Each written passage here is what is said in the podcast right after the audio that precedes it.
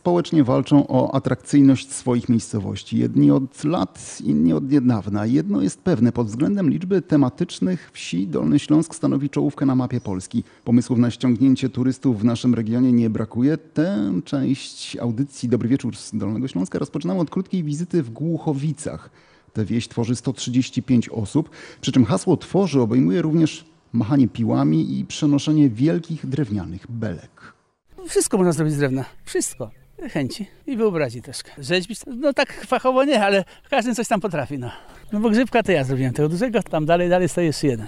Tu jest około 100 sztuk w sumie, na całej wiosce jest rzeźb. Sąsiad tutaj właśnie jak ma dużo uli, jest pszczelarzem ogólnie i pszczelarz to powinien mieć misia z miodem. Tak mu zrobili rzeźbiarze. I jest miś z miodem. Lubi łowić rybę, też ma rybę. Ten pan się nazywa Skrzatek. No i ma skrzata. Przy tamtym ksywę ma borsuk, no i ma borsuka. No. I później nie trzeba pamiętać numeru, tylko gdzie mieszka? Pod skrzatkiem, pod borsukiem.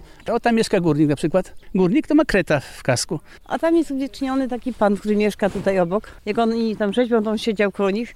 I oni postanowili go tak wyrzeźbić. Każdy rzeźbiarz ma z 10 pilarek i jeszcze jakieś tam szlifierki, nie szlifierki, dłuta elektryczne. Każdy odpowiedzialny, co przed domem stoi. No, bierzemy swoje, kupujemy farby i malujemy na swój koszt wszystko, nie? Żeby ładnie wyglądało przed domem. Nie, że odrapane jakieś czy coś. I ładnie wygląda. Plenery artystyczne w Głuchowicach cieszą się ogromnym zainteresowaniem artystów doświadczonych, ale również początkujących rzeźbiarzy. Ta wieś na razie nie ma problemów z koronawirusem. Rozwijanie pasji połączone z promocją nie wiąże się tu jeszcze z jakimiś wielkimi wydatkami. Zupełnie inaczej wygląda sytuacja w Dobkowie, gdzie od podobnych działań się zaczynało, a dziś brakuje pieniędzy na utrzymanie zagrody sudeckiej. Paweł Czyszczeń z Urzędu Marszałkowskiego. Jak pan myśli, e, dopóki Głuchowice te działania prowadzą na stosunkowo, w stosunkowo niewielkim rozmiarze, to mieszkańcy mogą spać spokojnie i nadal rozwijać ideę wsi tematycznej? Idea wsi tematycznej polega też na tym, żeby właśnie też poprzez tą aktywność stworzyć dodatkowe źródło zarobkowania na tej wsi, ściągnąć turystów, e, zachęcić do pobytu w danej miejscowości i zaoferować pewnego rodzaju e, warsztaty na pobyt dłuższy niż e, tylko turysta przyjeżdża i wyjeżdża z danej miejscowości. Także... od, podobnych, od podobnych właśnie takich małych rzeczy zaczynało się w Dobkowie, a dzisiaj jest problem. Pan Radosław Zesnarski, pan jako praktyk od biznesu, to gdzie jest ta cienka granica między bezpiecznym rozwojem wsi tematycznych, a zagrożeniem wynikającym z czasów pandemii?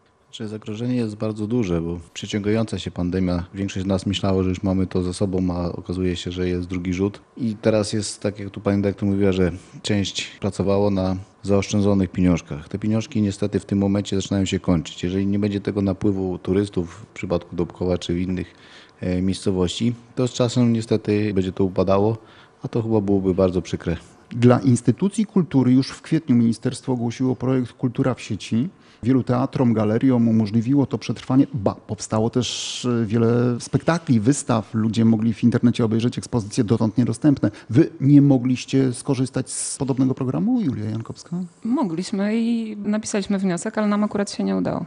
Bo? W obecnych czasach bardzo dużo inicjatyw różnych potrzebuje wsparcia i sięga po tego typu fundusze. Konkurencja więc wzrosła i poszczególnym inicjatywom statystycznie trudniej jest dostać się do puli grantowej. Czy to Teatr Modrzejewski ma większe szanse na te pieniądze niż edukacyjna zagroda w Dobkowie? Jeśli chodzi o projekty kulturalne, to zdecydowanie tak. My nie jesteśmy typowo kulturalną organizacją, więc e, nie mam żalu do nikogo, że sprawy geologii nie mieszczą się w programie Kultura w sieci na przykład to jak wam można pomóc? Pospolite ruszenie turystów raczej nie wchodzi w grę, choćby ze względu koronawirusa? Staramy się przyjąć jak najwięcej gości w bezpiecznych warunkach obecnie i rzeczywiście ruch wakacyjny y, był.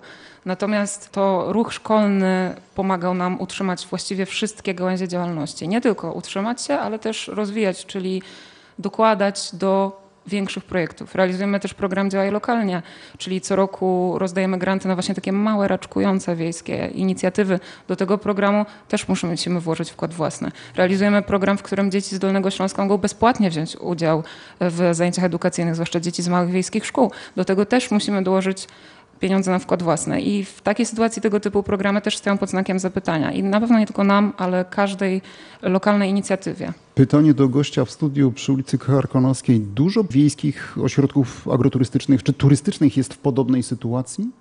Jeżeli chodzi o stowarzyszenie w Dobkowie działające, skala jakby oddziaływania tego projektu jest bardzo duża. Jako samorząd województwa dolnośląskiego uruchomiliśmy wsparcie dla branży turystycznej i tam zostało przekazanych blisko 80 milionów, prawie 2000 umów zostało zawartych na różnego rodzaju firm działających w tej branży turystycznej, także jakiś zastrzyk gotówki poszedł, czyli ten lockdown, który nastąpił i później uwolnienie tak stopniowe jego na okres wakacji spowodowało, że ta branża trochę odetchnęła, ale w przypadku takich stowarzyszeń, które głównie bazowały na e, grupach zorganizowanych w postaci tych wycieczek szkolnych, niestety to się tak e, do końca nie udało. To z tych 80 milionów złotych potrzebujecie 15 tysięcy miesięcznie. Ile do was dotarło, pani Julia Jankowska?